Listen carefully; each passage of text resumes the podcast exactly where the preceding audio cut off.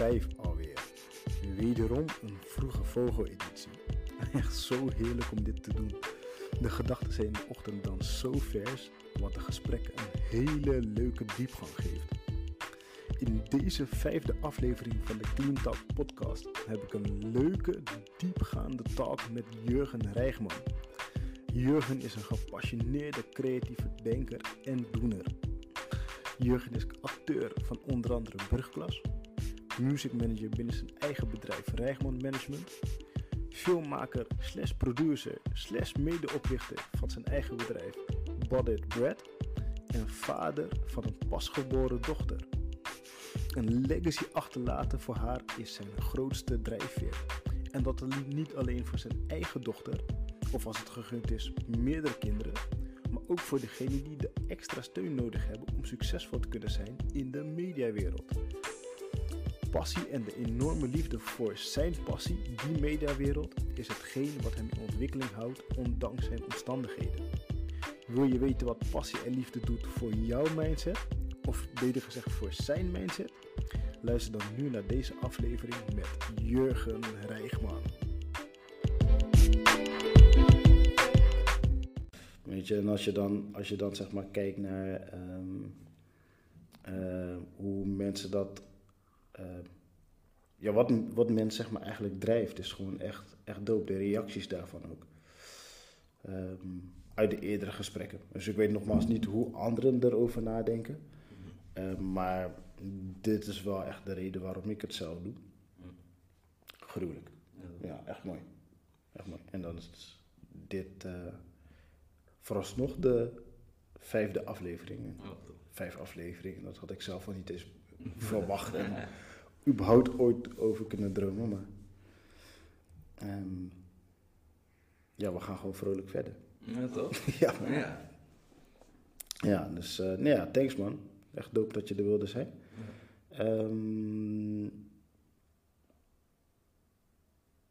de meest leuke vragen waar ik eh, vanuit mijn kant altijd mee begin, is ehm, hoe wil je graag herinnerd worden? Hoe wil ik herinnerd worden? Ja. Dan eh. Eh, hoe wil ik herinnerd worden? Ja, kijk. Voor mij zijn er een, eh, eh, zijn er een aantal momenten geweest dat ik eh, eh, nadacht over hoe ik herinnerd wilde worden. Omdat het dan bijvoorbeeld dichtbij kwam dat er iemand overleed. Ja. En dat je denkt van oké, als ik dus hier zou gaan, hoe denk je dat mensen dan over je zouden denken? Voor mij is dat eh, het ding wat ik deels eh, loslaat, omdat ik denk dat de interpretatie van een persoon altijd zo persoonlijk is. Iedereen ziet jou op zijn manier, met zijn referenties en dat soort dingen. Mhm. Maar wat ik wel tof vind of waar ik dus mee bezig ben, is gewoon vooral volledig mezelf zijn. En daarin probeer ik altijd eh, ja, positief naar voren te komen. Mhm. Eh, en eh, echt gewoon van hoe mensen me zien over te laten naar de Mhm. mens zelf. En als ik erover na ga denken, dan gaat het gewoon te veel kanten op. Echt.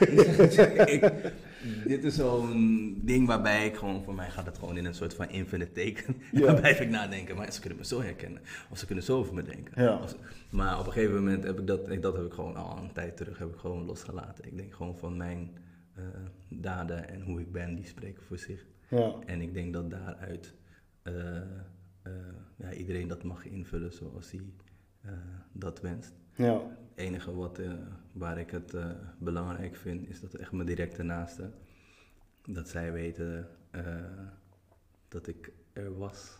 En ik hoop dat ze me herinneren als een persoon die voor hun er is en altijd was. En daarna hopelijk ook. Ja, dope man. Dope. Want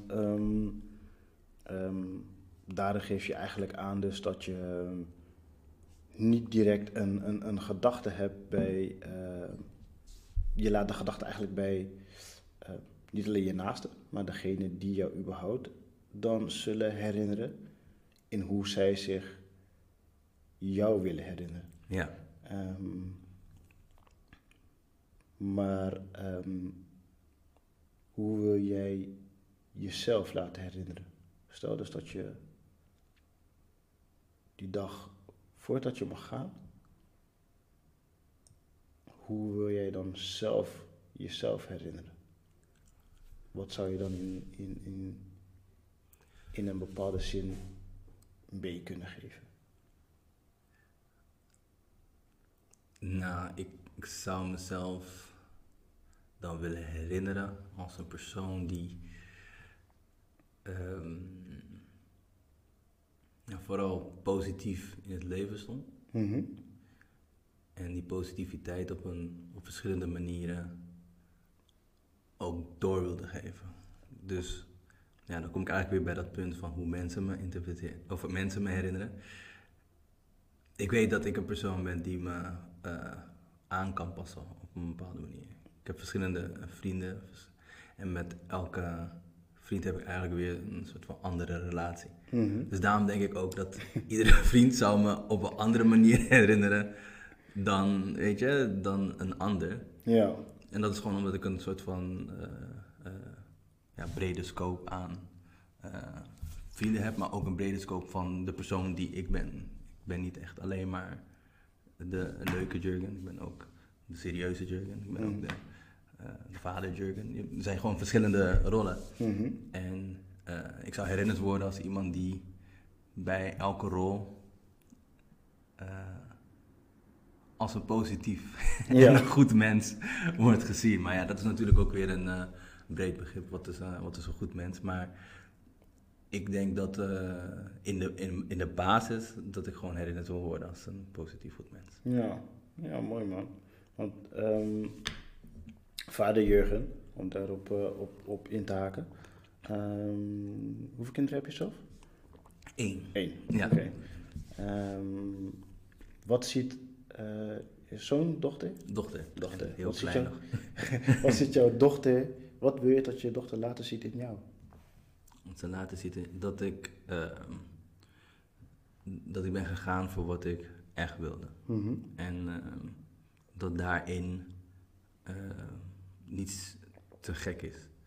Ehm, en dat komt natuurlijk weer eh, vanuit mezelf, omdat ik dus weer kijk naar de voor, mijn generatie voor me, dus Mhm. de generatie van mijn ouders. Ehm, die zijn vooral hier gekomen met het idee van dat, eh, dat als je werk hebt, dat dat dan goed is en dat je kan providen. En ik ben nu in deze tijd, eh, zit ik hier en denk ik van, ik wil niet alleen kunnen providen, maar ik wil denken aan een legacy. Dus dan denk je weer een stap verder. Dus dan hoop je dat je dat kan doorgeven aan je kind. Nu Mhm. dan een kind, misschien wordt het meer. Ik weet niet hoe het is, maar voor nu voor je kind. En dan, en dan hoop je inderdaad dat je dat kan meegeven. Van dit is mijn, eh, mijn denkwijze. Ik wil niets op je leggen, maar ik wil wel laten weten van...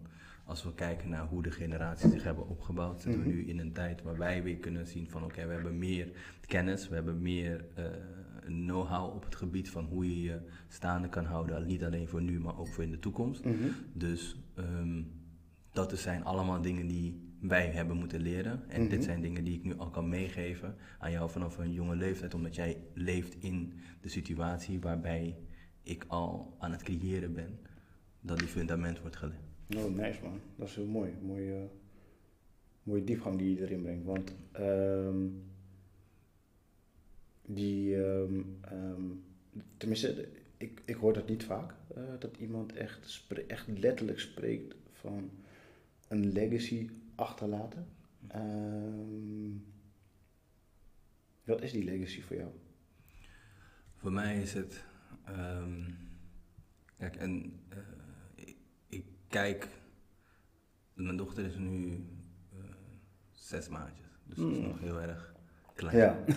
Dus ik, ik kan wel zien wat voor karaktertrekken ze heeft vanuit die zes maanden dat ze hier op Ja. de planeet is. Maar voor de rest eh, wil ik ook natuurlijk kijken van oké, hoe, eh, hoe ontwikkelt zij zich en eh, wat voor soort persoon wordt ze los van de dingen die ik zelf meegeef. Mhm. Ehm, maar los daarvan, als het gaat om legacy, dan heb ik het echt over in de, de breedste vorm. Dus dat is dan niet alleen zeg maar, voor, me, eh, voor mijn eigen kinderen, maar ook voor mensen die ambiëren in die stroom waar ik me begeef. Mhm. eh, eh, daar te groeien, daar te willen ontwikkelen, te ontplooien, dat, da- dat die ruimte daar is. Hm. En dat niet alleen voor de persoon die dat nu wilt, maar ook voor de jaren daarna. Ja. En, en dat is iets wat ik dus nu zelf ook zie. Is van in, de, in de mediawereld waar ik werk, ehm, zijn er gewoon bepaalde eh, deuren die nog opengetrapt moeten worden. Mhm. Om ervoor te zorgen dat er een nieuwe toestroom kan komen van, eh, van mensen. Ja. En daar wil ik voor gaan. Ik wil ervoor gaan dat ik die deur open heb getrapt. dat die open blijft. Uh-huh. En dat eh, voor de rest die er dan komt gewoon weet van, oh ja, die deur kan ik in. Want dat is een, dat is een bedrijf of een plek waarbij ik me kan eh, herkennen. En eh, denk ook gewoon van, ja, dat ik zou willen werken en wil helpen met het opbouwen. Omdat het niet alleen het opbouwen is van, van Jurgen. Nee, het is opbouwen van dat stukje in de branche wat ontbreekt. Mhm. Waarbij je dan eigenlijk eindelijk dan nu een, een, een, een, een stronghold hebt, om dat zo te zeggen. Ja, precies. Want wat, is, wat, wat zijn die deuren dan die dan nog opengetrapt moeten worden in die, eh, in die mediawereld? Ja, ik denk dat er gewoon heel veel, of denk, ik zie dat er gewoon heel veel eh, eh, bedrijven zijn waarbij eh, de diversiteit nog ontbreekt. Ehm, en dat de representatie ook ontbreekt. En dat zijn bij bepaalde dingen waarbij ik denk, dus het is niet alleen als het gaat om film, maar ook om shows. Om, het is gewoon heel erg eh, breed, waarbij ik denk van dat als het wordt gemaakt door de mensen Mhm. die uit de omgeving komen, dat het beter wordt verteld. Dat, dat is gewoon meer eh, het idee. Mhm. Eh, en ik heb gewoon bepaalde situaties meegemaakt dat er dingen werden verteld vanuit een, een blik van Mhm. mensen die niet uit die situatie komen.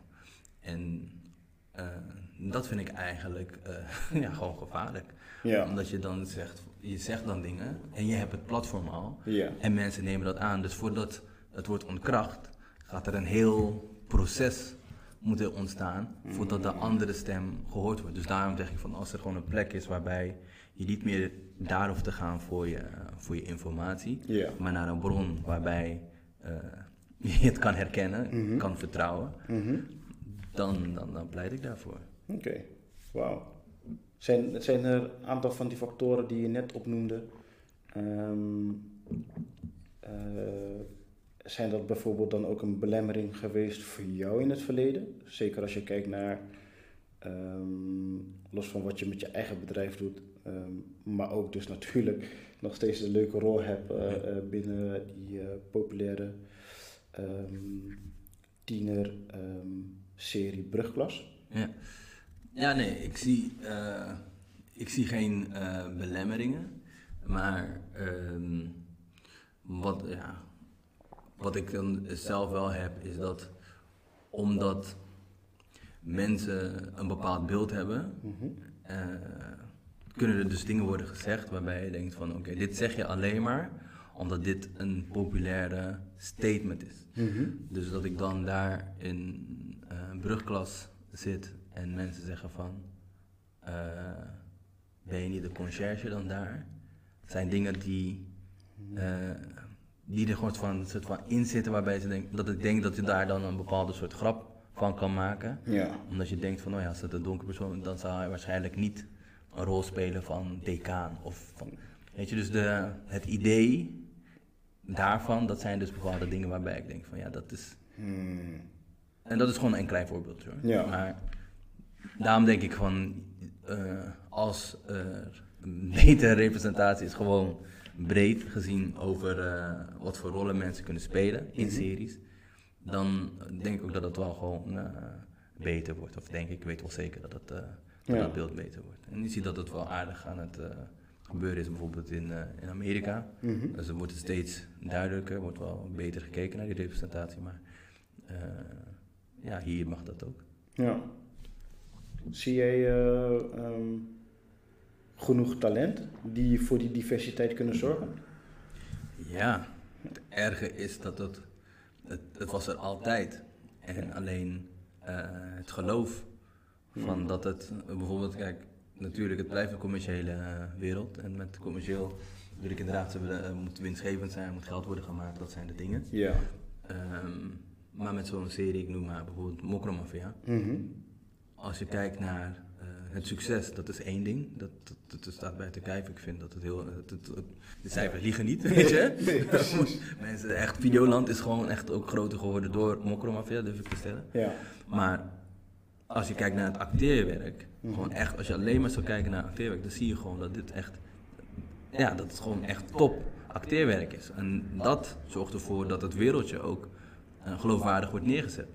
Was dat niet, werd dat niet goed neergezet, dan moet je ook gelijk stellen van, ja, oké, maar weet je, nu is er een serie waarbij eh, jullie kunnen spelen en, weet je, Ja. kijk. Maar je ziet het, het is, het is succesvol, mensen vinden het interessant. En het wordt gewoon goed neergezet. Gewoon, wordt, technisch wordt er heel erg goed gespeeld. Je, je- ik- ja, ik geniet op twee manieren. En vaak is het voor mij is het ook wel, soms is het lastig, omdat ik dan eh, let dan op bepaalde dingen. Anders dan mensen die dus niet in het wereldje zitten, die gewoon naar tv of series kijken, gewoon vanuit hun plezier, ontspanning en dat soort dingen. Ja. En ik kon nu gewoon op twee manieren kon ik gewoon niet, omdat ik dacht van ze spelen fantastisch. Plus, het ziet er gewoon echt gewoon goed uit. Goed uit. Weet je? Dus, Ja. en dan is het gewoon meer van. En dan kan je gewoon naar de serie kijken van qua smaak. Van nee, actieding is niet voor mij, Mhm. of actieding is wel voor mij. Maar als het gaat om het spel, ja, vind ik echt dat. eh Ja. kan je, dat is niet te debatteren. Oh. Ja, doe. Nou, ja, ik, ik ben echt gewoon totaal niet bekend in die wereld zelf. Ehm, ja, volgens mij de, de allereerste eh, podcastaflevering die ik dan met mijn broer zelf had. eh daar gaf hij ook aan, eh, met wat ik dus al wist, is dat hij ehm, zelf ook met speelfilms zeg maar, bezig was. Hele kleine filmserietjes aan het maken was Ja. eh, destijds. En eh, als het goed is zit er weer wat aan te komen. Maar vooralsnog, ehm, buiten dat heb ik totaal geen raakvlakken met, eh, met die wereld. Mhm.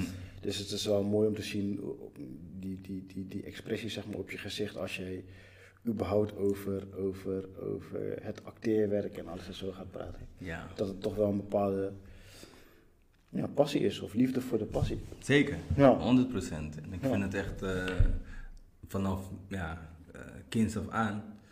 Ja, ben ik gaan kijken naar verschillende series. Was ik heel blij dat ik bepaalde series kon zien die uit Amerika dan hier in Nederland op tv eh, kwamen. En vooral in de. Weet je. Ik heb dat heel erg veel eh, eh, gecheckt. En voor mij is dat nog steeds een, dat is een van de dingen waar ik zelf ook naartoe wil. Mhm. Het maken van een, en produceren van een comedy-serie. Ja. Dus dat, is, ja, dat is gewoon een van de stappen die ik echt zou willen. Ja, want was het dus destijds dus al vanaf kinds af aan, eh, vanaf die, die comedywereld, ehm dat we toen meekregen dat je eh, toen al zoiets had van, hé, hey, ik wil echt het, de acteerwereld ingaan? Nee, eigenlijk niet. Nee? eigenlijk niet. Het is wel iets wat, het, wat, ik tof, eh, wat me tof leek. Zeg maar van, oh ja. Maar ik begreep dat nog niet. Echt van dat je, dat, dat werk was of zo. Want zo Ja. jong was ik al dat ik naar dat soort series keek. En dat kwam echt door mijn moeder. Want zij keek echt naar allerlei verschillende series, comedy-series. En daarna ben ik gewoon doorgegaan. En ehm, ja, hoe ouder ik werd, hoe meer ik wel iets had van, ja, ik, ik wil iets doen met creativiteit. Met mijn creativiteit. En die eh, creativiteit was zo breed, waarbij ik dacht van, ja, oké, ik wil muziek maken, maar ik wil ook acteren. Maar aan de ene kant wil ik ook... eh, ehm, ja, het, eigenlijk voor alles was ik een beetje, werd ik geprikkeld om Ja. te doen, als het was binnen die creatieve entertainment scene, laten we het zo zeggen. Ehm, en op een gegeven moment, toen eh, ja, ging ik HBO eh, studeren. Toen deed ik Media Entertainment Management.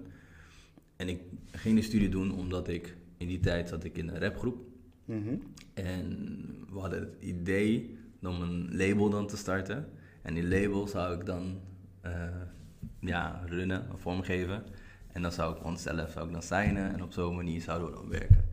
Maar hoe ik de studie deed, eh, kwam ik gelijk iets tegen wat dan eh, in lijn staat met mijn karakter. En dat was dat we gingen een, een, eh, module contractonderhandeling was dat. En dat heb ik dus samen, moest je in twee tallen doen. En de, het team waar ik in zat, moest dan een contract voorstellen aan een, ja, een muziekgroep, om het dan zo te zeggen. Mhm. En wij eh, kregen dus allemaal percentages mee, waarmee we het dus zouden moeten doen. En de andere team, die, ja, die moeten er zo goed mogelijk uitkomen. Nou, uiteindelijk hebben we ervoor gezorgd dat zij eigenlijk alles onder een percentage zaten. Dat ze eigenlijk, ik weet niet of ik dat woordje mag gebruiken, genaaid. ze waren zwaar genaaid. maar wij deden het heel goed. En toen kwam de docent, uh, want de docent zit er dan bij. En die zei ze van, ja, jullie hebben het zo goed gedaan. Um, ik geef geen 10, maar jullie krijgen een 9,8. En dat is me altijd bijgebleven, waarbij ik dacht van, oké, maar wacht even, wij naaien de andere partij. Mm Maar wij krijgen een 9,8. Puur omdat wij het qua uh, onderhandeling zo goed hebben gedaan. Voor de, voor de label, voor de artiest, ja, je weet niet beter. Dus jij denkt van, oh, oké, we hebben toch onderhandeld over een bepaalde percentage, dus dat zal wel goed zijn. Mm En hier hebben we meer gekregen dan daar. Maar een kort voorbeeld, stel je voor, jij mag 20% hebben van, van de royalties. Mhm. En wij beginnen de onderhandeling uh, met 8. Mhm. En jij zegt van nee, 15. Ja, dan zit, we hebben wij al gewonnen, omdat ja, 20% had je mogen hebben. En dan zeggen we van nee, we blijven bij 10. En dan zegt hij van oké, oké, 10 is goed. Ja. Ja, en dat is gewoon van, toen dacht ik van nee, maar dit wil ik niet. Ik was te veel artiest mhm. toen, in die tijd. Ik begrijp het nu wel, hè, maar toen de tijd was ik gewoon te veel artiest om te zeggen van... Oh, dus zo gaan labels met elkaar. Nee, dan hoef ik echt niet bij een label. Nee, dan hoef ik ook geen label te starten. Dus dat was mijn gedachte goed toen. En uh, toen werd ik uh, door iemand benaderd van... Hey, zou je niet iets willen presenteren? Mm. Iets waar ik eigenlijk ook niet over na had gedacht. Maar ja, die prikkels van mij die er altijd zijn in de creatieve scene hebben ervoor gezorgd. Dat ik zei van ja, waarom niet? En ik heb ook altijd iets van dat ik gewoon dan ja zeg. En dan ben ik het gaan doen. En uh, daardoor kwam die liefde van voor tv helemaal weer uh, terug. Omdat ik dus eerst een hele lange tijd met muziek bezig was. En toen kwam dan het stukje uh, tv, doordat ik ging presenteren. En toen ging ik me daar weer in, meer in verdiepen. Mm En ja, dan jaren later ook nog gaan acteren zelf. En nu komt weer dat idee van, oh ja, waarom vond je het allemaal zo leuk? En dat is gewoon de comedy-series. Dus nu ben ik dus op dat punt om uh, dat verder te ontwikkelen. Ja, en dus heb je je dan ooit überhaupt kunnen voorstellen dat je in um, zo'n succesvolle serie als brugkras zeg maar zou spelen? Nee. nee. Dat kan ik gewoon heel kort en bondig. Nee, had ik niet verwacht. Vooral omdat ik geen. Uh, ik heb niet de opleiding gedaan om, uh, voor acteur. Mm -hmm. Maar dat is ook hoe dat wereldje werkt. Dat wereldje werkt echt met wie je kent. En mm. um, daarom denk ik ook waarom ik sprak over dat stukje legacy. Op een gegeven moment wil je gewoon dat je genoeg mensen kent, zodat welke vraag je ook hebt binnen die scene, dat je daarin kan voorzien. En uh, nu zijn er gewoon je, je, soms stoot je tegen een bepaalde soort lat, omdat je denkt van oké, okay, ik zit nu hier, maar ik wil eigenlijk verder, maar je kan niet verder, omdat ja, ja. je hebt niet net weer een handje om je weer verder te brengen, het dan zo te zeggen. Dus daarom denk je van ja, als je dit handje niet hebt, dan wil je het zelf creëren. Ja. Of althans, dat is mijn uh, denkwijze. Ik ben nu zo ver af van het vraag dat ik ook niet meer.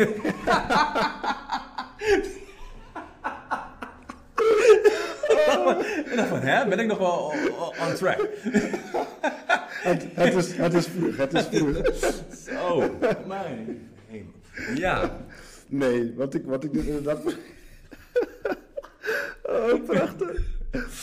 Nee, wat ik inderdaad dus vroeg van, ja, weet je... Um...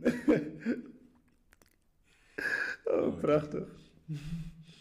Uh, of je überhaupt zeg maar, had kunnen voorstellen dat je dus in zo'n succesvolle serie Ja, zie je, oké, dan begrijp ik inderdaad waar dat handje van kwam. Oké, dan kan ik hem weer oppakken. Ja. Ooit succesvolle serie. Nee, had ik niet gedacht, maar het was inderdaad omdat ik iemand kende die die serie, die, uh, uh, die toen de tijd produceerde. Dus ja. produceerde daar en die vroeg aan mij, omdat ze wist dat ik acteurs en actrices en dat soort dingen in mijn omgeving had, vroeg van, ken je niet iemand die die rol zou willen vervullen? Toen zei ik van, ik ken wel iemand, maar ik zou het zelf ook wel willen. Toen zei, okay. toen zei die persoon van, ja, maar ik ga daar niet over. Mm -hmm. Maar je kan wel, um, ja, je kan wel je cv sturen mm -hmm. en kijken of ze je uitnodigen voor een casting. Dat heb ik gedaan en toen zei ze van, oké, okay, ja, je mag op een casting komen. Dus daar was mijn winst al. Dat ik dacht van, oké, okay, ja. tenminste dat ik een, een, casting kan doen, weet je. En um, ja, ik heb die casting gedaan.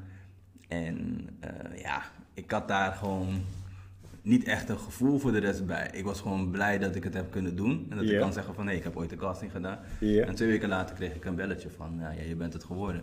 Nou, ik, ik, was zo blij. Ik weet nog precies waar ik liep. Ik wist nog precies waar ik was.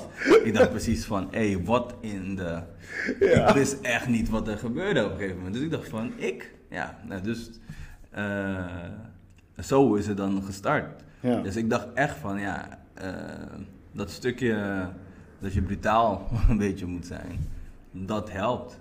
Weet je, omdat je soms, of ja, misschien hoef je niet eens brutaal te noemen, maar gewoon de vragen te stellen die je, durf- die je wilt stellen. Want normaliter, inderdaad, ik zou zo kunnen kijken naar iemand van, oh ja, ik ken die persoon en ja, die zou het kunnen doen of ik ken die. Maar nu had ik echt iets van, ja, laat me kijken wat er gebeurt als ik mezelf vereerst. Ja. En eh, toen ik dat deed, ja, toen was het eh, ook gelijk raak. Dus ja, nu is dat ook voor mij echt een ding. Waarbij ik ook echt gewoon iedereen encourage om gewoon direct te zeggen wat je, wat je wil. Omdat je nooit, liever krijg je dan een nee Mhm. en weet je het, dan dat je gewoon altijd denkt van, oh ja, had ik maar... Want als ik iemand anders had voorgesteld, wist ik niet of ik in die serie zou komen of Nee. niet, weet je.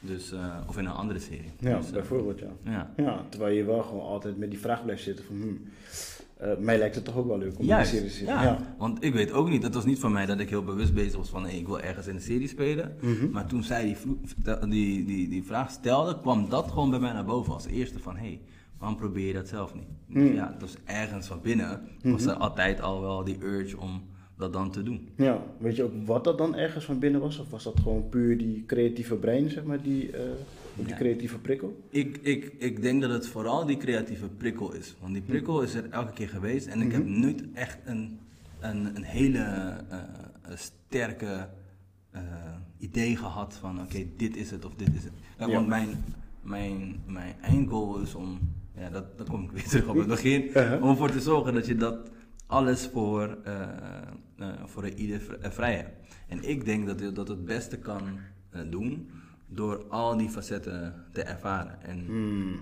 daardoor vind ik het fijn dat ik dus heb kunnen presenteren, Mhm. acteren, dat ik achter de schermen dingen heb kunnen doen. Mhm. en dat ik nu op een andere manier ook weer achter de schermen bezig ben. Dus dat hele media ding begin ik al, ja, alles begin ik nu te zien. Ja. Weet je? En ik ben wel iemand die eh, leert vanuit de praktijk. Hm. Dus ik kan wel alles eh, lezen en leren, maar het liefst ervaar ik het. Kan ik Mhm. zien hoe je fouten kan maken, Ja. daarvan leren.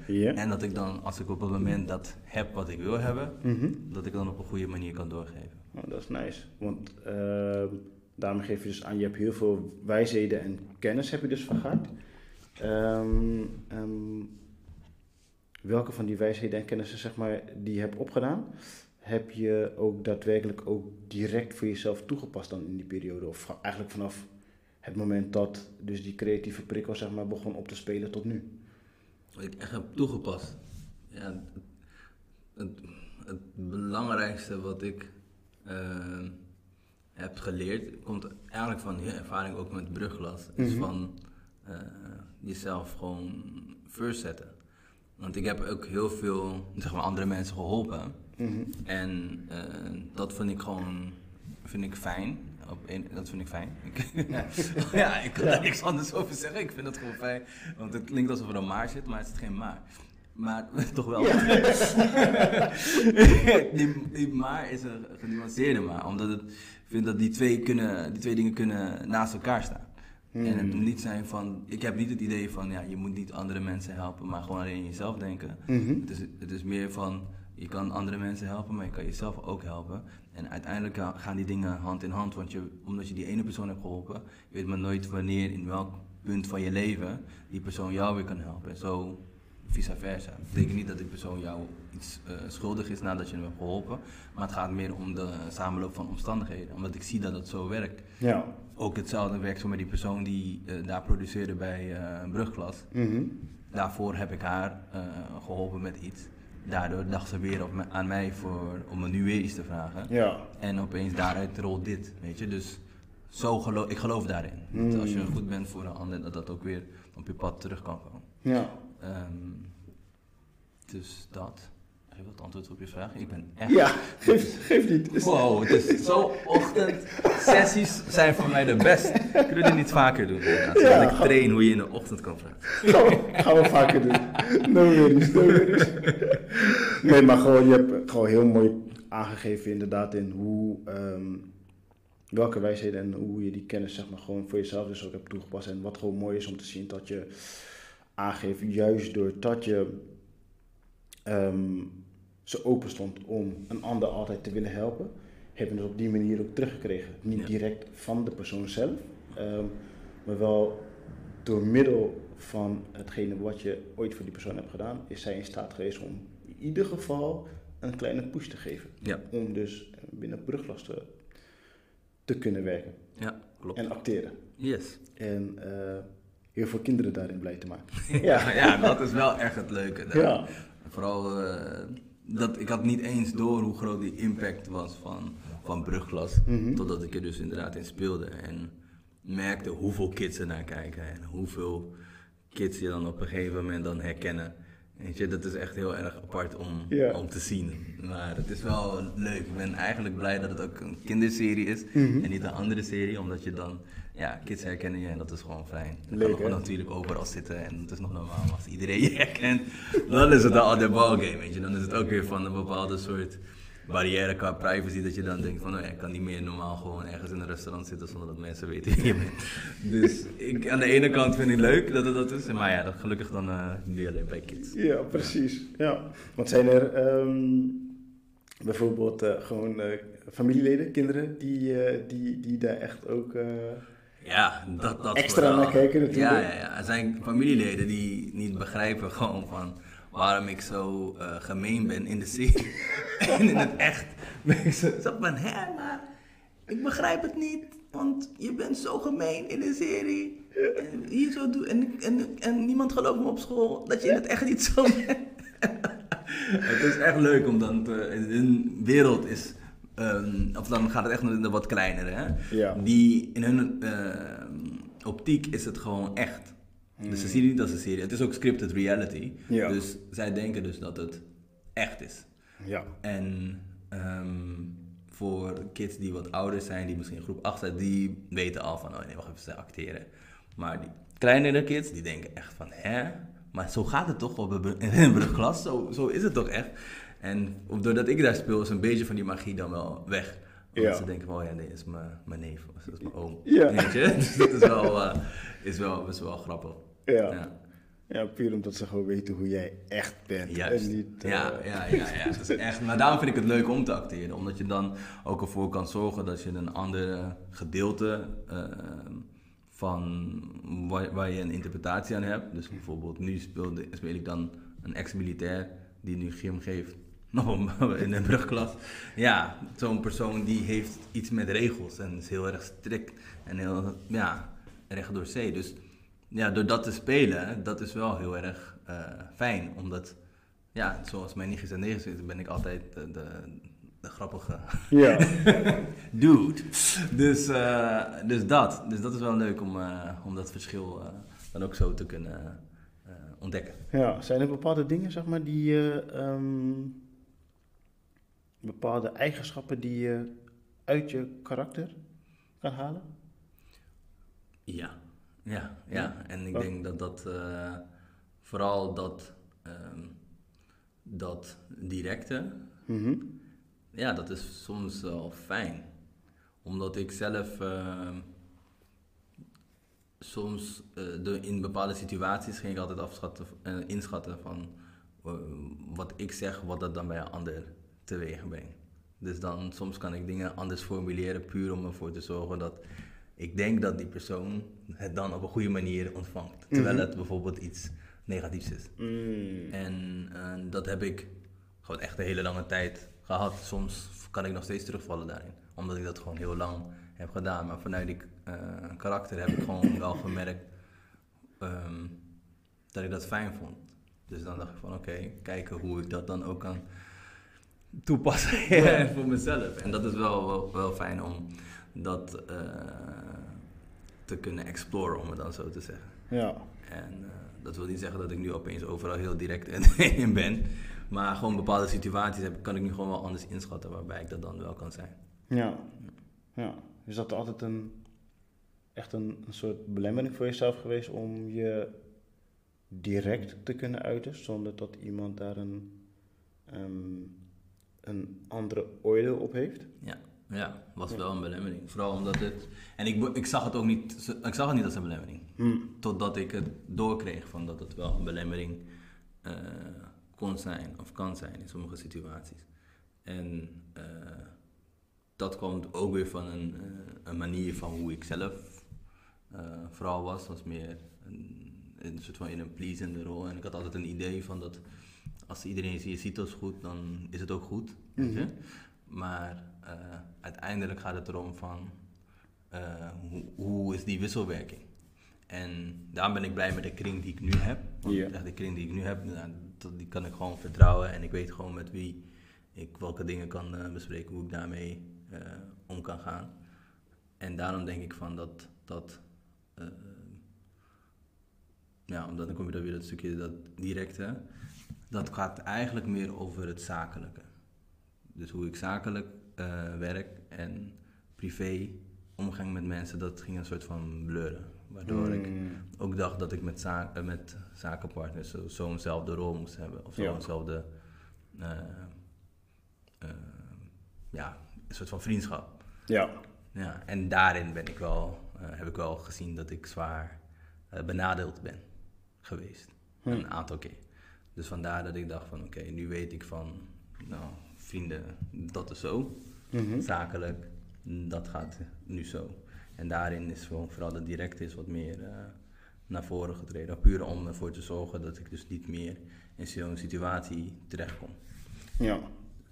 Ja, en dat is dan ehm, meer om mm, bepaalde deals naar je toe te kunnen trekken of, of, of überhaupt om over contracten of wat dan ook zeg maar te praten. Ja, dat vooral. Kijk, Ja. het gaat om als je deals inderdaad naar je toe wilt trekken en je doet het alleen maar vanuit het goede voor de andere persoon, Mhm. weet je, dan, ja, waarom doe je het eigenlijk? Ja. Dus op een gegeven moment dan eh, stoppen bepaalde deals en dan denk je gewoon van, ja, oké, dit is wat ik waard ben en dit is wat we vragen. Mhm. En dan is het gewoon puur een ja of nee wat je dan van de andere kant kan krijgen. En niet kijken naar van, oké, maar misschien als we dat zo doen of dat het zo doet. Ja, soms is dat gewoon, is het het niet waard om, het, om zo te onderhandelen, want dan ben ik opeens die andere kant wat ik van, van in die HBO-studie had. Dat ik opeens eh 8% krijg van iets waar ik 20 verdien. Dus dat is iets waarbij ik denk van nee, ehm, ja, dat, dat, dat stopt wel. Weet je? En daarbij moet je wel eh, een lijn trekken. Ja, zeker. Dat, ik denk dat je dat wel zo heel mooi verwoordt. Want dat, ehm, wat ik daaruit trek, zeg maar, is dat er toch een. Een, een, een corrigeer me als het niet zo is. Ehm, daarbij een bepaald gevoel krijgt dat er een. ehm, dat ook een stukje is geweest in zoektocht naar wie jij daadwerkelijk wilt zijn.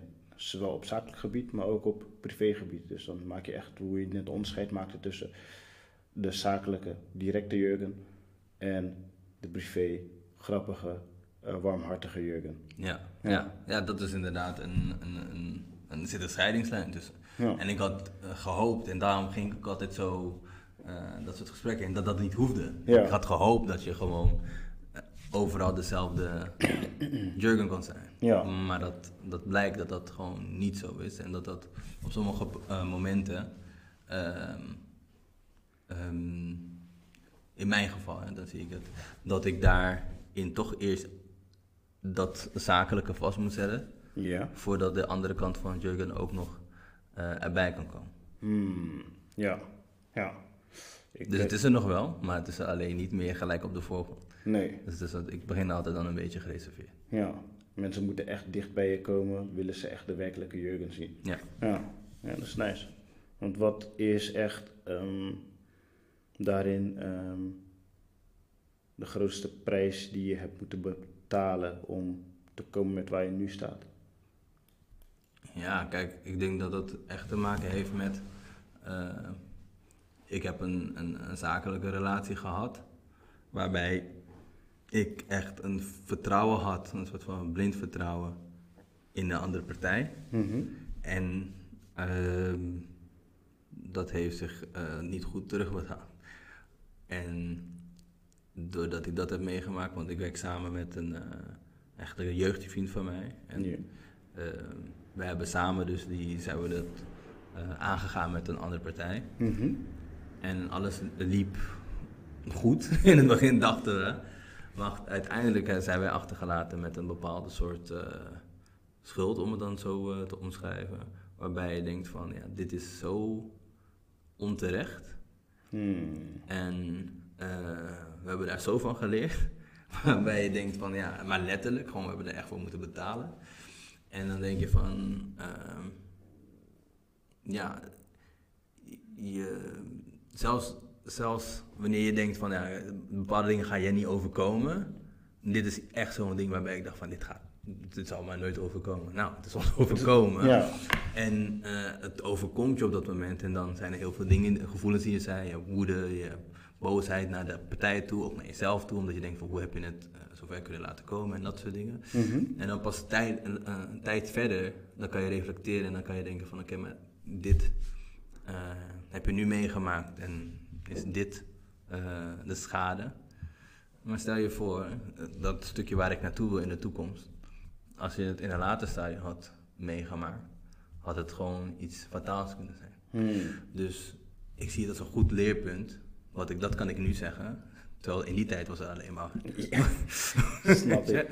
woede en boosheid. Maar nu kan ik zeggen van ja, tuurlijk, ik heb ervan geleerd. En wat heb ik geleerd? Teruggekeken naar die tijd. Mhm. Teruggekeken naar de punten waarbij je zegt van oh ja, daar heb je die fouten gemaakt. Daar heb je dat niet goed gezien. Dit heb je niet goed afgebakend. Mhm. Ja, dat zorgt ervoor dat je dus nu dit soort dingen niet meer wilt hebben. Dus dan ga je het anders afbakenen als je met iemand gaat, eh, gaat samenwerken. Ja. Want je kan niet alleen maar vanuit het gesprek uitgaan van dat dat dan al eh, een goede basis is voor de samenwerking. Hmm. Sommige dingen moeten gewoon goed vaststaan.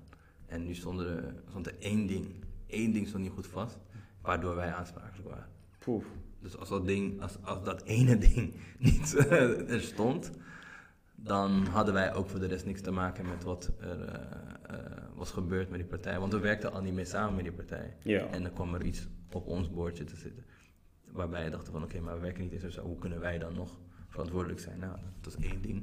En dat was dat onze naam nog op één document stond. Dus Wauw. ja. Wauw. Ehm, ik kan me best eh, voorstellen dat je in die periode, zeker omdat je, joh, je had het net een aantal keer aan, dat je de bepaalde emoties, woede, boosheid, eh, uiteraard ook verdriet. Ehm, zijn er, eh, ehm, of laat me het anders stellen, heb je, ehm, heb je of jullie eh, ook echt moeite gehad om die eh, excessen zeg maar tegen te gaan? Eh, ja, vooral ja, in het begin. Vooral omdat het dan zo vers is en dat je denkt van hoe in de hemels. Hoe, hoe, weet je? Ja. Vooral die hoe. Weet je, het was een heel vervelend ding. En omdat je die emotie hebt, dan ga je gewoon denken van oké, maar wat. Ja, je, je wil die persoon wil je eigenlijk niet meer zien. Hmm. Tegelijkertijd wil je die persoon juist zien om verantwoordelijk Ja. te stellen voor de dingen die zijn gegaan- gedaan. Maar ja, je denkt gewoon op een gegeven moment, eh, en daarom, dat, daar geloof ik ook wel in, is gewoon van, ja, joh, eh, waarom doet het je zoveel? Ja, En dat heeft gewoon mee te maken met vertrouwen. Ik vind vertrouwen gewoon belangrijk. ja, En ehm, op het moment dat het dan wordt geschaad, ja, dan heeft iedereen volgens mij daar zijn, zijn eh, manier van handelen en, en doen. En ik had gewoon echt een tijd nodig om eventjes om rustig te worden. Dat was echt mijn ding. Weet je, dus ik heb eh, wel veel gesproken. En daarom ben ik blij dat ik met iemand samenwerk. Want dan kan je samen eh, kan je erover praten, samen kan je die emoties eh, delen. ja, En dat helpt ook.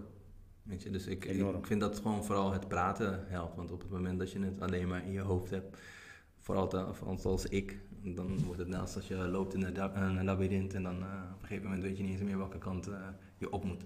Dus voor mij is het echt van eh, door te praten, dan zorg ik ervoor dat ik niet vastzit in een doolhof van gedachten. Want dat is wel, ik, kan een overtinker zijn soms. Dat. Ja, nou ja, herkenbaar. Je, de, ehm, toevallig hadden we volgens mij in de vorige week. ehm, ehm, ja, het moment dat je dus ehm, ergens over nadenkt, ehm, zeker als iets zo'n impact heeft als dat, ehm, heb je wel eens de neiging om inderdaad heel veel te overdenken. En dan ben je dus, wat ik dus vorige week stelde, in een gesprek met, uh, met Gavir is van, hey, weet je, dat je op een gegeven moment aan tafel zit met jezelf. En dan niet met één keer jezelf, maar jezelf in twaalf of misschien wel meerdere vormen, zeg maar. En dat gaat maar door, dat gaat maar door, dat gaat maar door. Totdat op een gegeven moment zo'n moment is dat het genoeg is. Hm, ja. En ehm, ja, dat kan heel vervelend gaan uiten. En eh ja, voordat het nog wel eens heel moeilijk voor een persoon kan zijn om echt die zelfbeheersing ehm, te bemachtigen op dat moment. Ja. 100, eh 100 procent. Ja. 100 procent. Het is wel echt een, eh, een ding hoor. En ik denk ook van soms, dat ze, oh, ik ben natuurlijk gewoon uit mediahoek. Ja, Dat soort dingen vind ik gewoon al een interessant vertrekpunt als, als een serie. ja, Gewoon omdat mensen eh, denkbeelden, eh, hoe ze dingen, over dingen nadenken. Ik, ik, het lijkt me gewoon heel interessant om gewoon een kijkje te nemen daarin. En dat is eigenlijk ook waarom ik acteren zo interessant vind. Is omdat je altijd dan heb je een hoofdrolspeler en je, je probeert eigenlijk eh, eh, een band te creëren met die persoon die dan eh, hoofdpersoon is. En ik vind dat het in deze tijd is het heel mooi dat je ziet hoe divers die groep wordt. Het wordt Ja. niet meer alleen maar de persoon die alles perfect doet. Mhm. Het zijn juist de personen die ergens in een positie zitten van, van power, maar in hun hoofd eigenlijk niet helemaal eh 100 zijn of zo. En dan wordt het helemaal interessant, omdat je dan kijkt van oké, maar hoe ga je met hoe mensen dat zien als een, misschien een bepaalde soort beperking, ga je toch om in een situatie wat, wat eh, met high stakes. ja, En eh, ja, dat, dat zie ik voor mezelf eigenlijk ook. Van, ja, oh ja, nu zie ik dat ook daar weer in terug. Ja, we zijn allemaal mensen met een andere denkbeeld. Maar we hebben wel een bepaalde gelijke ja, vertrekpunten. Ja. Waardoor je bijvoorbeeld een serie hebt waarbij miljoenen mensen ernaar kunnen kijken. Terwijl ze misschien met elkaar kunnen ze niet eens omgaan, weet je. Maar de serie verbindt hun eigenlijk wel. Ja. Op zo'n manier. Omdat ze daarin dingen zien wat ze herkennen. Ja, dat is mooi, man. Is, is, dat is na, die, na die, die, die hele periode, is er een periode geweest dat een bepaalde passie of de liefde voor je passie, dus eh, die- alle creatieve dingen waar je, wat jullie dus zeg maar in gedachten hadden, is daar enig moment geweest dat dat verloren is gegaan? Eh, nee, dat niet. Hmm. Het is wel altijd gebleven. En dat vind ik wel ook sterk aan, eh, aan die periode als ik daaraan denk. Van, ja, je had kunnen denken van oké, nu eh, stop je of ik ga gewoon iets anders doen. Of, maar dat is er niet, niet geweest. Maar het had ook ermee te maken van we waren al klaar met dat project. Mhm. En maar dan ga je verder. En dan opeens komt dat project weer op je pad op een negatieve manier. Dan denk je ook van oké, wij waren al verder gegaan. Dus onze, onze visie was al vooruit. Maar we werden toch nog eventjes eh, staande gehouden, om dat zo te zeggen. en dan eh, om eventjes op te letten. En nou, dat hebben we gedaan. We st- we stonden stil. We hebben alles eh, gedaan wat we moesten doen. Oké. Maar we gaan toch weer verder rijden. Dat is eigenlijk hoe, eh, hoe Ja. het is gegaan. Dat is wel mooi. Weten dat dat ondanks de situatie waar je in zit, eh, jullie mindset zegt nog steeds in de richting zat van jullie droom. Ja. En waar we dus al eh, eh, voor het opnemen zeg maar, over hadden. Op het moment dat je dus in een bepaalde auto zit. je hebt een- net een nieuwe auto gekocht en op het moment dat je in die auto zit, zie je dezelfde auto zie je in verschillende kleuren. Ja, weet je ja, dat allemaal, ga je die dingen gewoon echt aantrekken. Omdat je bemachtigt met wat je wil bemachtigen. Zeg. Klopt. Dus dat, dat gold in die zin dus ook voor, voor jullie. Ja, zeker, 100%. We Ja. hadden echt een, inderdaad een idee van, eh, ja, dit is, eh dit is effed up, maar we kunnen niet blijven hangen in die effed upness. We gaan gewoon door. Door. En, en dat was wel geleidelijk natuurlijk, Mhm. want ehm, je hebt natuurlijk die emoties die je nog eerst moet verwerken, Mhm. maar tegelijkertijd daarna is het van je gaat door. En dat, is, ja, dat geeft je kracht. Ja? Ook dat ik nu dit ook kan vertellen zonder dat ik eh, enige woede of rancune of iets richting die tijd heb, vind ik ook fijn. Want ook die persoon heb ik, ben ik ook nog een keertje heb ik gewoon gezien, maar niet gesproken of zo. En Mhm. toen was het ook van mij van ja, oké, weet je, Het is goed. het is goed. Weet Ja. je, ik hoef niet eens. Nee, dat zijn allemaal dingen die in die eerste weken door je hoofd gaat zo van hé, zien, dit is zo, bla bla bla. bla. Maar nu is het gewoon van, weet je, nou, je bent verder, Ja, weet je, en dat is het belangrijkste. dat, eh, dat denk ik, eh, dat denk ik haast wel, ja. Want ehm, de tijd eh, die gaat door. En ehm, daarin ehm, willen we allemaal geen tijd verliezen. Nee. Maar actief, effectief met je tijd gaan is ook een ding. Zeker. En ja, om dan op zo'n moment, natuurlijk is het goed om het te verwerken. En het is heel mooi dat je dat zei, dat jullie het samen konden reflecteren.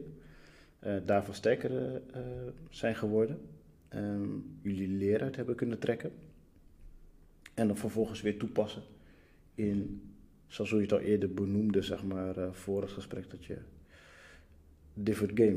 Er gaat gewoon Mhm. een ander spelletje gaat erin en we gaan weer gewoon vanaf level 0 beginnen. Ja, ja. Richting die baas. Ja, zeker. Ja, ik, dat is echt onze eh, drijfveer, weet je. Van eh, steeds een nieuwe level willen bereiken. Ja. En eh, dat is je die eindbaas status hebt. Dat is eigenlijk het ding. En wat is die eindbaas voor jullie?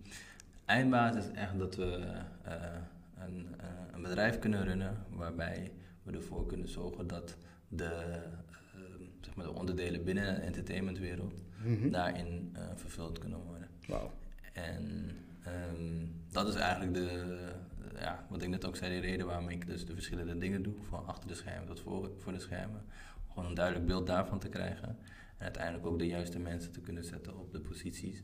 Omdat ik ook gewoon daadwerkelijk de kennis heb van, eh, van de dingen die, eh, of althans de dingen, de, de, de onderdelen en de afdelingen die er zouden moeten zijn om ervoor te zorgen dat het eh, gerealiseerd kan worden. Ja, mooi man. Toch wel weer zien, mooi om te zien dat eh, jij jouw eh, je passie, liefde en alle wijsheid en kennis die je in die periode hebt opgedaan, ehm, gekoppeld aan, moed, want het is moedig om dat te willen doen, ehm, zo'n platform wil gaan creëren voor een ander. Ehm, dus daarin geloof je dus ook echt dat het mogelijk is om voor anderen hetzelfde te bereiken als wat jij hebt gedaan. Ehm, en dan was het maar in een hele quick instant dat je zo even zei van hé, hey, ehm, ik wil dit zelf wel doen. Mhm. Ehm, en die mindset, mogelijkheid, mogelijkheden wil je dus gaan verruimen voor het talent wat er om jullie heen speelt. Ja, zeker. Dat is echt, eh, dat is echt het, eh, dat is de goal, weet je. En Ja. ik vind het, eh, dus over de jaren heen is het niet veranderd. Het is echt altijd eh, datzelfde gebleven. Dus echt al die dingen die dus nu eh, gebeuren, ja, dat, dat moeten dus allemaal paragrafen zijn van, van een hoofdstuk, weet je, die nou, straks dat boek Ja, moeten resulteren, weet je. En dat boek is gewoon dat we dat bedrijf hebben. ja, En dan kan iedereen gewoon terugkijken naar van, oké, dit is wat wij hebben geleerd. ja, En dit hoeven jullie niet op zo'n manier mee te maken. Wij zullen nieuwe dingen meemaken, omdat dit, op het moment dat het staat, is dat ook nieuw.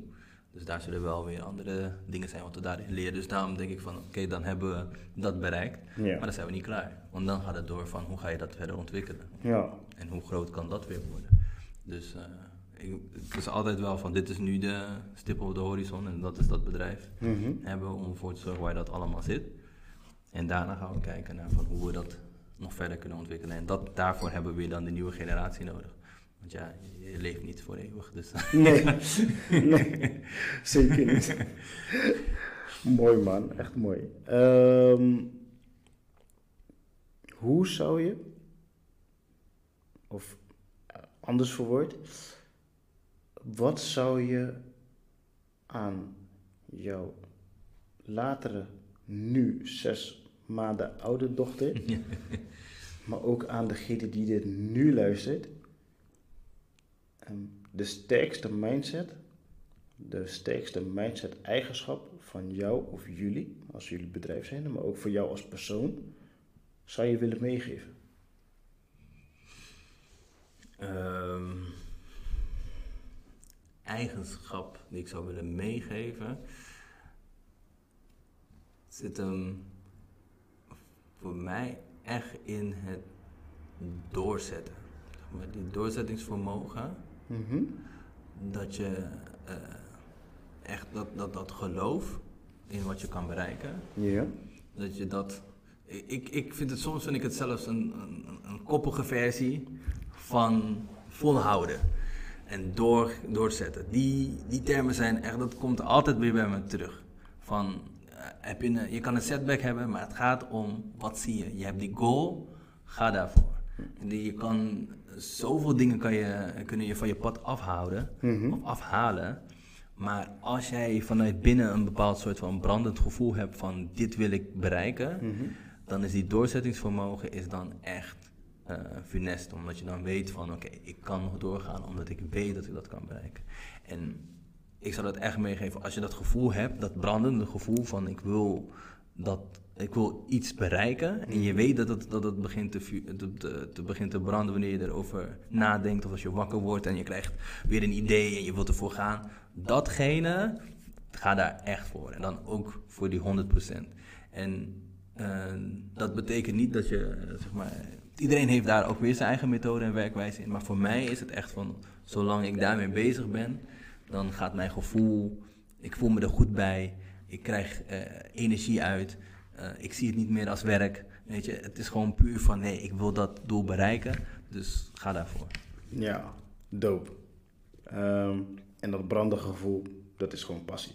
Ja, Ja. ja. het is echt passie. En ik denk dat dat gewoon, ja, het is breed. Weet je, ja, ik ken, ik ken een jongen die voetbalt en die heeft dat, heeft dat echt. Dus ja, die gaat gewoon voor trainen, gaat hij trainen. En weet je, die heeft gewoon dat, dat, dat- het zit er. Dus Ja. ja, je, je- hij ziet dat niet als van, oh ja, dan moet ik eh, nog eerder dit gaan doen dan. Nee, hij ziet meer van, ik wil mezelf perfectioneren omdat ik dat doel heb. Ik wil daar komen.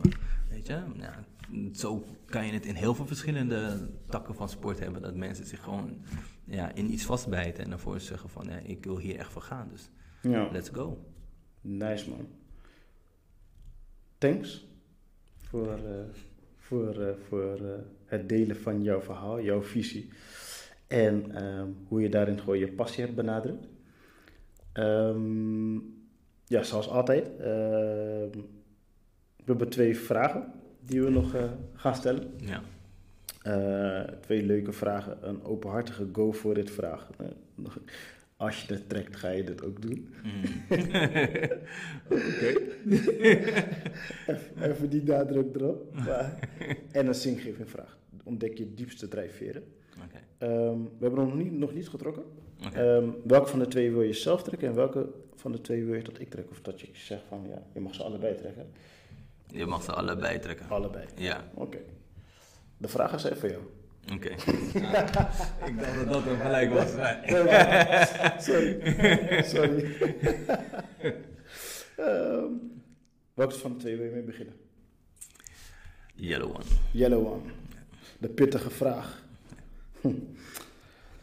Wat zal over tien jaar zijn verdwenen uit ons dagelijks leven? En zou je dat jammer vinden? Wat zal er over tien jaar verdwenen zijn uit ons leven? En zou ik dat jammer vinden? Ah. Ja, ik, ik vind die lastig. Ik vind die lastig. Wat. Ik, ik, ik zit heel veel te kijken naar. eh, of heel veel. Ik kijk naar technologie en waar het naartoe gaat. En ik ben bang dat dat sociale, wat wij kennen als in echt bij elkaar zijn, dat dat kan, eh, kan veranderen. Ik hoop niet dat het weggaat, maar ja, tien jaar is misschien toch nog snel, maar er kan wel een basis worden gelegd. Ja, als je kijkt naar de situatie van nu, wat er nu speelt, gebeurt het al. Weet je? Mensen zien elkaar minder, mensen mogen elkaar niet omhelzen. Eh, mensen zijn meer online. Ehm, ja, je hoopt gewoon niet dat er een, een variant van iets kan komen, waarbij dat er echt definitief voor zorgt dat het niet kan. Dus ik hoop eh, niet dat er eh, iets gebeurt over tien jaar, waarbij ze kunnen verantwoorden, Mhm. waarbij ze zeggen van ja, je kan alleen maar nog online elkaar zien of met elkaar spreken. En als je buiten bent, dan is het gewoon puur om ja, wat je boodschappen te doen en echt gewoon rechtlijnig dingen te doen. Ja. Maar niet meer dat sociale contact. Ik zou dat niet. Ik kan me geen wereld voorstellen die dat heeft. Maar Nee. ik denk dat er wel elementen zullen zijn waarbij dat soort dingen over tien jaar misschien weggenomen kunnen worden. En Het kunnen misschien kleine dingen. Het hoeft niet zo rigoureus te zijn als dat je niet meer mensen mag helsen. Maar dat je misschien bepaalde dingen die we nu voor lief nemen. Of niet, niet voor lief. Die we hiervoor gewoon inderdaad voor lief namen. Dat we dat echt gaan missen. Ja. En dat een andere generatie die daarin geboren is, die dan kent die anders. Dus die zal dat gewoon accepteren. Ja. Dus ik hoop niet dat eh, dat eh, onderlinge contact, dat dat, eh, dat wegvaagt. Ja. Ja. Want dat ga ik missen. Ja, snap ik. dat ga ik echt missen. Echt dat in, in hokjes leven gedrag, inderdaad. Ja, ja. ja, Heel gestroomlijnd op, op basis van wat er van ons letterlijk verwacht wordt. ja, Ja. ja. En dat is echt, ja... ehm, ja, die, die beperking op vrijheid, dat is eigenlijk meer het, eh, het ding wat, waar, waar ik wel eh, bang voor ben. Ja. Ja, het is gewoon best wel. eh, nee, vooral in deze tijd merk je gewoon hoe, hoe, hoe fijn het is dat je ergens kan leven waarbij je die vrijheid hebt. Ja. En dan weet je pas echt wat vrijheid is ook inderdaad. Ja, Ja. klopt. Klopt. Mooi man. Ehm, de ontdek je diepste drijfveren vraag. Oh. Waar word jij echt stil van? Waar word ik echt stil van? Nou, deze vraag. Ehm, prachtig. Waar word ik echt stil van? Ja. Waar word ik echt stil van? Tja, daar word je stil van. Daar hè? word ik echt stil van. Nee, ik, ik, ik denk waar ik stil van ben. Word. Ja, het zijn. Ja, Ehm, ja, ik heb dat echt vol. Met, eh, met dood eigenlijk. Als ik, als ik iets meemaak waarbij eh, de dood eh, opeens dichtbij is, daar word ik wel stil van Hm.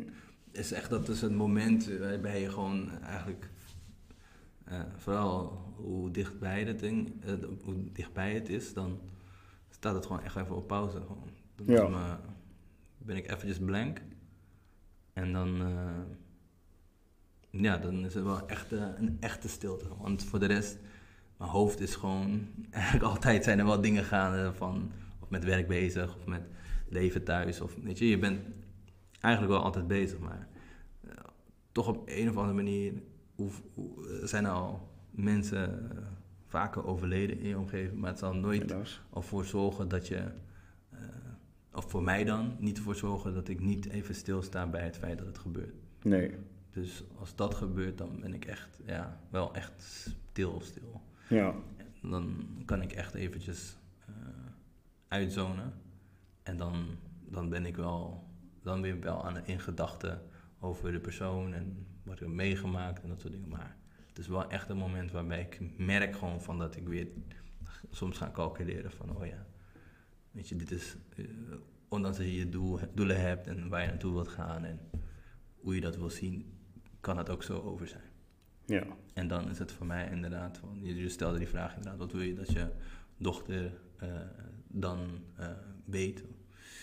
En dan is dat het, weet je, dat ik bezig was met die droom om die legacy achter te laten. Achter te laten. Ja, en weet je, dan heb ik het niet gehaald, maar dan weet ze dat ik daarmee bezig was. Ja. Dope man. Heel mooi woord.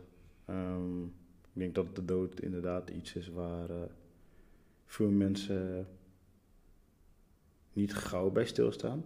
Maar het je wel laat stilstaan eh, waar je op dat moment staat. Ja, Ehm, op het moment dat je het heel dichtbij komt. Ehm, dus ja, heel mooi woord. Echt heel mooi woord. Nogmaals, thanks voor Ja. dit gesprek. nee, jij ook bedankt. Eh, voor je verhaal. Ter inspiratie voor een ander. ja. Ehm, heb je nog een vraag naar mij? Heb ik nog een vraag naar jou? Eh, ik wil even zo. De mensen die dit luisteren kunnen dit niet, natuurlijk niet zien, maar Nee. Opeens schijnt de zon. We zijn zo vroeg begonnen met dit ding. De zon nog niet schijnt, maar nu schijnt de zon echt fel in mijn gezicht. Dat voelt echt fijn. Het was nog, het was nog donker inderdaad, ja. oh, mooi. Ja, dan heb ik eh, nog een vraag voor jou. Eh, ja, voor mij is het eh, de vraag van wat zou je uiteindelijk willen bereiken met deze podcast? Wat ik dus wil bereiken met deze podcast. Ehm, gewoon heel simpel. Ehm, een Nederland in blijvende inspiratie. Ehm, wie hier zeg maar ook aan tafel zit, of bij wie ik überhaupt ook in de studio mag komen, om zijn verhaal te mogen vastleggen op de manier zoals hoe ik het uh, voor ogen heb. Um, tot daar, uh, het staat vast. Dus het, het, het moet altijd de inspiratie zijn voor een ander. En op die manier probeer ik het ook zo goed als mogelijk te promoten. Wat um, voor mij um, tot een platform moet gaan creëren waar iedereen tot uh, toegang heeft tot alle soorten, verschillende soorten podcasts, verschillende soorten mindsets. Of dat die van jou is of van de mensen die nog komen gaan. Of wat dan ook, op welk gebied dat ook is in de acteerwereld, in de zorgwereld, uh, in de voetballerij, uh, advocatuur, ik noem maar wat. Overal moet inspiratie uitgehaald worden. Um, omdat ik vind dat er in ieder persoon, of uit ieder persoon, is er een vorm van inspiratie te halen. Al is het maar 1%, het is eruit te halen. En dat kan zo extreem waardevol zijn voor een ander. Um, dat dat mijn grootste doel is, wat ik eruit probeer te halen. Okay. Dat is een hele duidelijke antwoord. hey, dankjewel voor de vraag. Ja. Dankjewel. Nogmaals, um, ja, thanks voor de vroege ochtend. Ja, dat we nu uh, mogen genieten van de zonsopgang. Of tenminste echt... Uh, ja, het schijnt echt mooi hier naar binnen. Ja, weet je, waar je normaal gesproken niet heel gauw bij stilstaat. Van hé, hey, uh, je staat op en dan schijnt de zon al, maar nu hebben we hem echt zien opkomen. Ja, echt. Heel fijn. Mooi man. Ja. Thanks man. Jij ook bedankt voor het uitnodigen.